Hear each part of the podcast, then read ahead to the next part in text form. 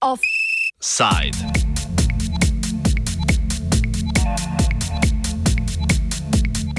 Potopljeni med grškimi valovi. Volitve v Grčiji so vnovič prinesle zmago desnice.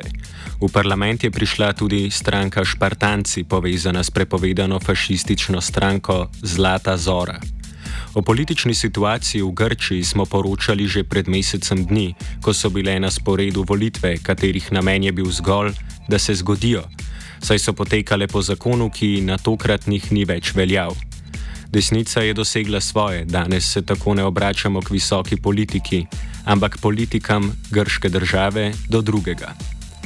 Migrantskega drugega Grčijo v imenu varovanja evropskih zunanjih meja seveda ne tlači zgolj, ko so na oblasti desničarji, ampak tudi, ko vladajo zmerneži, celo levičarji.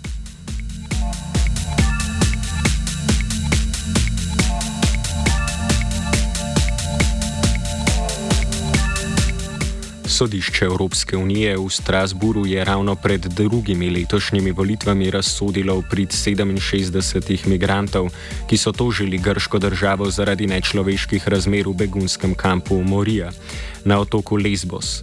Migranti, ki so bili v Moriji v letih 2017 in 2018, torej še v času vlade Aleksisa Ciprisa iz Sirize, so opisali, da so jih ob sprejetju v center za begunce sprva namestili v nekakšno zunanjo kletko, veliko le 40 kvadratki, kvadratnih metrov. Na dan, so jim prazniki, prazniki dali sendvič in steklenico vode, spati pa so morali na tleh, brez odej ali vzmetnic. Kasneje so jih preselili v šotore, ki pa niso bili primerni za vremenske razmere, ko je deževalo, so puščali. Prav tako so puščala stranišča, tekoča voda pa je bila v sprejemnem centru na voljo 40 minut na dan. Poleg tega je bila morja hudo prepolna. Čeprav je bilo prostora za okoli 3000 ljudi, so leta 2017 v taborišče natrpali 7000 migrantov, leto kasneje pa 9000 torej trikrat več od kapacitete. Kot kompenzacijo za razmere, v katerih so morali životariti, je sodišče vsakemu prisodilo 5000 evrov, prav tako mora grška država pokriti sodne stroške. A sodišče ni predvidevalo nobene druge kazni za pristojne. Kamp Morija so zaprli leta 2020, zgorel je v požaru. Sodbo in poročanje o njej komentira Tobias, ki o dogajanju z Lesbosa poroča za Radio Helsinki iz Gradca. The case was like the migrants that won this case now they filed their complaints or their, uh, their complaints were about the time frame 2017-2018 which I was here at the time also and I can confirm that the conditions in the Moria camp were very bad, very inhumane. They were not at the worst peak still but generally very very bad. And I guess they felt the need to actually go to court about it, which is very brave of them because, you know, the European asylum system makes people very dependent on it, on the country where they are. And a lot of people are afraid to speak out uh, in order to make sure that their asylum procedure is not endangered. And this goes as well for demonstrations, but also for litigation. Well, the reaction we haven't had yet because yesterday was election night. So um, I think that this was not in the Greek news at all, which I checked everything of it this morning because it was election night. So there has not been a response from the Greek authorities as far as I know. And this seems to be coming quite out of nowhere, to be honest, this uh, verdict.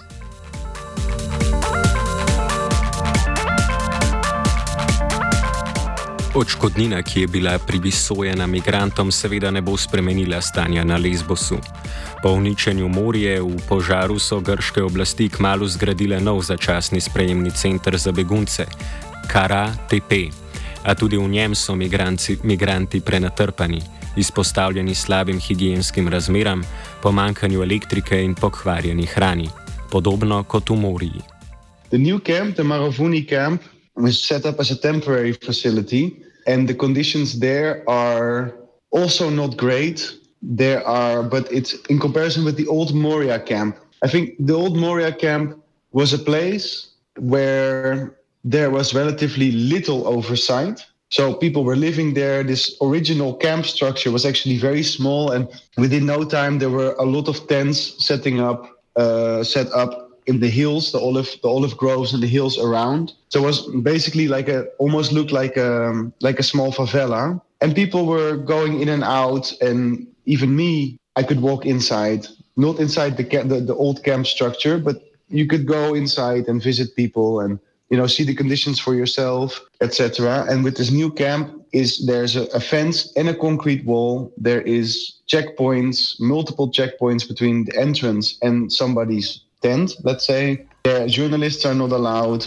people are also heavily discouraged from sharing information videos or pictures from inside the camp it's a much more closed off much more controlled space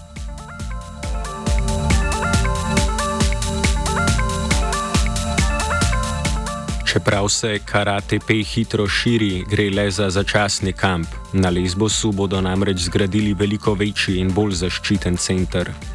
Poleg tega se grške oblasti poslužujejo vedno novih načinov trpinčenja migrantov.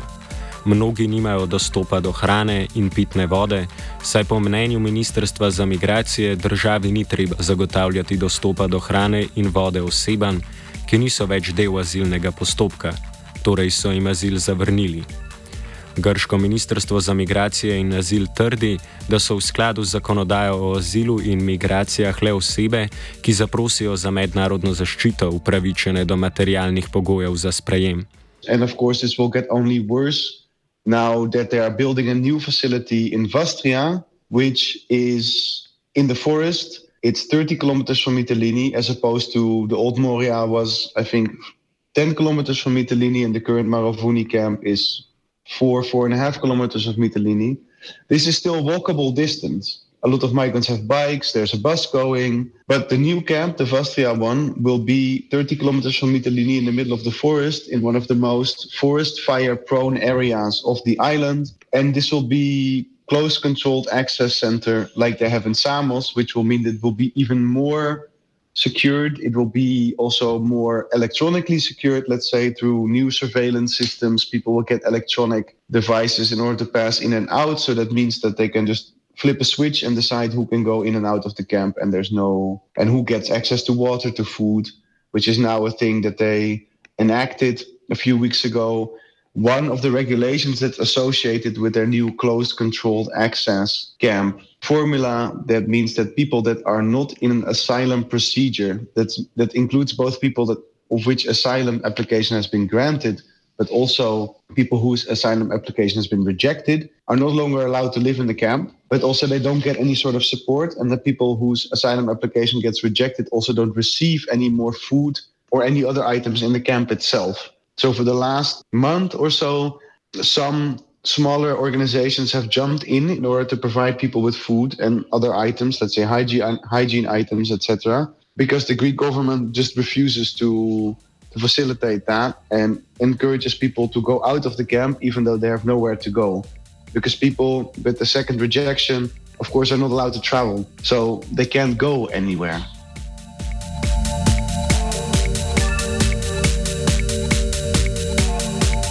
V luči dogodkov na Grškem morju so lahko migranti, ki jim je uspelo priti na katerega od, od otokov, skoraj da srečni.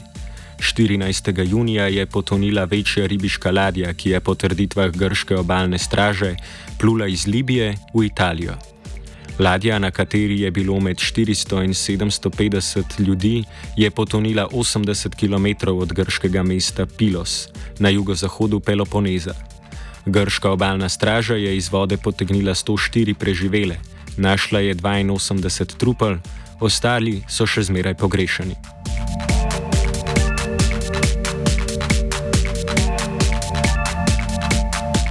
Sprva je ladjo opazila Evropska agencija za mejno in obalno stražo, znana kot Frontex. Med preleti Egejskega morja, ki jih je Frontex izvajal 13. junija, so opazili večjo ribiško ladjo, na kateri ljudje niso nosili rešilnih jopičev. Ob tem so nemudoma obvestili tako italijanske kot grške oblasti. Po poročilu, ki ga je izdal Frontex, so ladjo opazili z enim od svojih letal, ki je moralo svoj prelet končati zaradi pomankanja goriva. Kasneje so ponudili, da na ponovni prelet pošljajo novo letalo, ki bi spremljalo ribiško ladjo, a se grška obalna straža na ponudbo ni odzvala. Od tod se časovnice različnih strani ne ujemajo.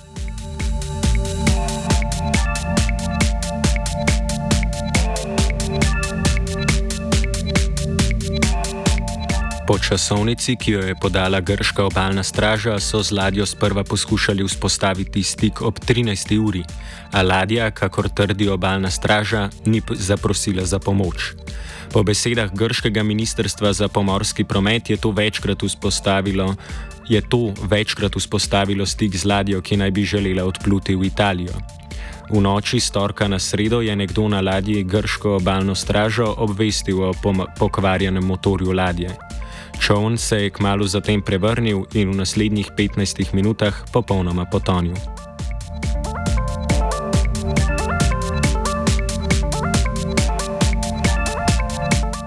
Vendar so mnoge preiskave, med drugim tudi natančna časovnica, ki so jo rekonstruirali, rekonstruirali novinarji BBC-a, pokazale, da bi grške oblasti nesrečo lahko preprečile.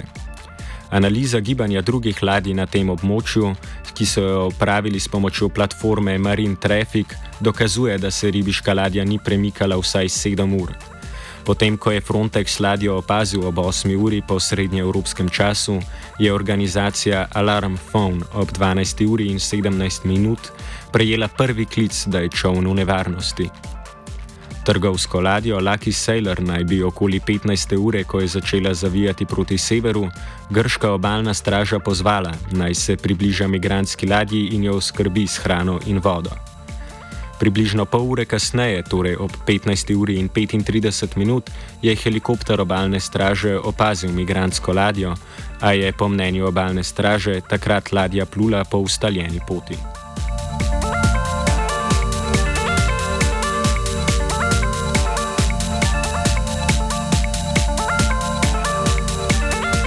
Dve uri in pol kasneje, torej okoli 6. ure popovdne, se je imigrantski ladji približalo drugo plovilo in sicer Faithful Warrior.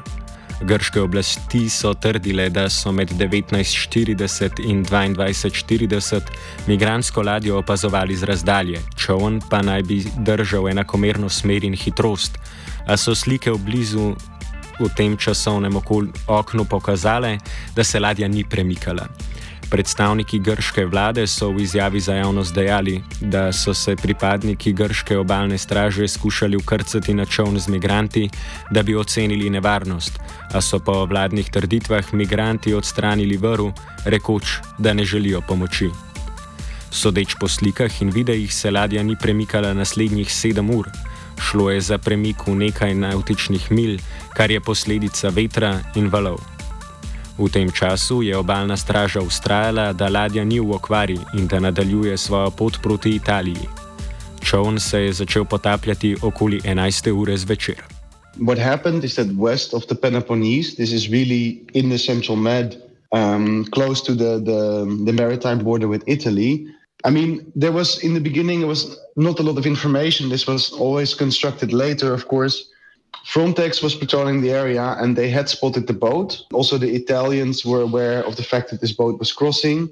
And also, apparently, and they for sure and have confirmed that they have informed the Hellenic Coast Guard of this information. So they were apprised. What happened in the next hours is that these boats, and especially these big fisher boats, filled with migrants, migrants, the migrants that are crossing, are usually quite well informed about what happens in Europe. So the things with the pushbacks, for example, of course, people are informed of this, so they are afraid of the Coast Guard, and rightfully so, in my opinion. Of course, the Hellenic Coast Guard first said, like, we approached them for help, but they declined it. Now, of course, this they would do. Also, the Coast Guard ordered a civilian vessel that was in the area not to intervene. So they know when they approached it, they could have easily assessed the situation ordered other civilian ships not to intervene and then tried to solve the situation themselves because what they did, and this was confirmed a few days later, is that they tried to tow the boat back into Italian waters in order to have these people um, go towards Italy instead of Greece. Now, this is of course highly illegal, and um, highly illegal by that I mean is that every ship that sees another ship in distress on open sea is obliged to help. Apparently, I've been informed by friends that have been that are like people that regularly sail, people that work on ships, that tying a rope to a ship that's so overfull is always going to fail. And in addition, that if they would do a move like this in a professional way, an officer of the Coast Guard would have to be on the other ship. Now, as we have no reported deaths of Coast Guard officers, we know that this didn't happen.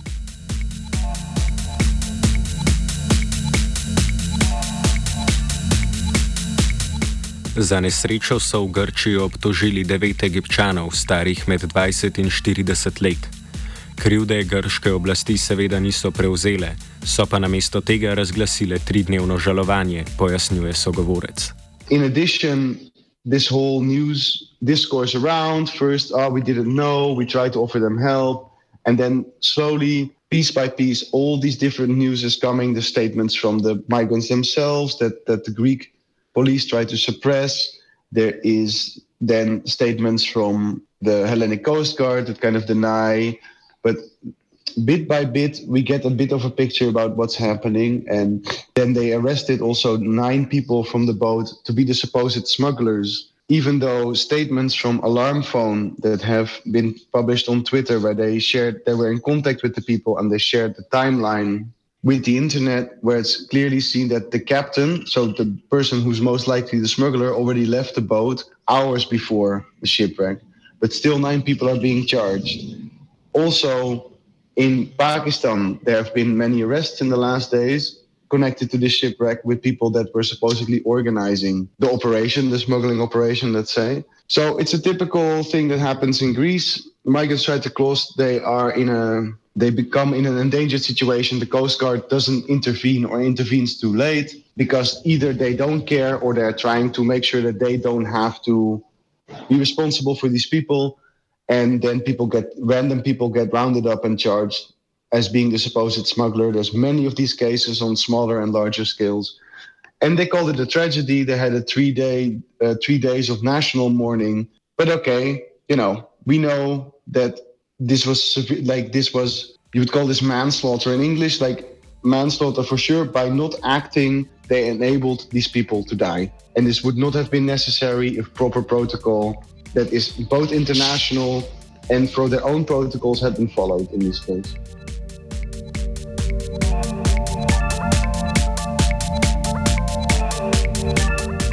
Frontex je kasneje tudi objavil poročilo in dronske posnetke ladje, kar dokazuje, da so spremljali dogajanje.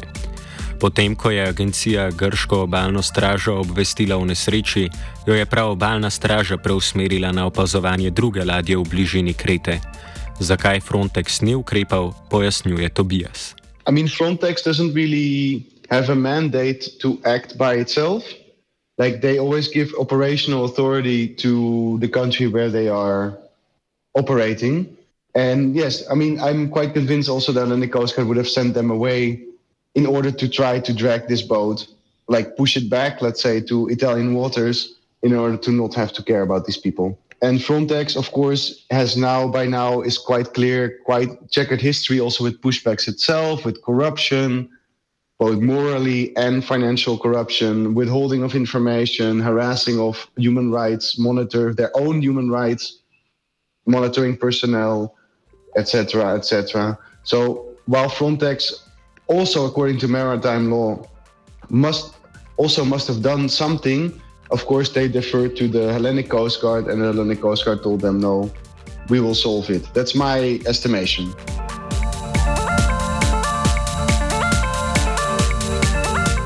Offside je pripravila Tija.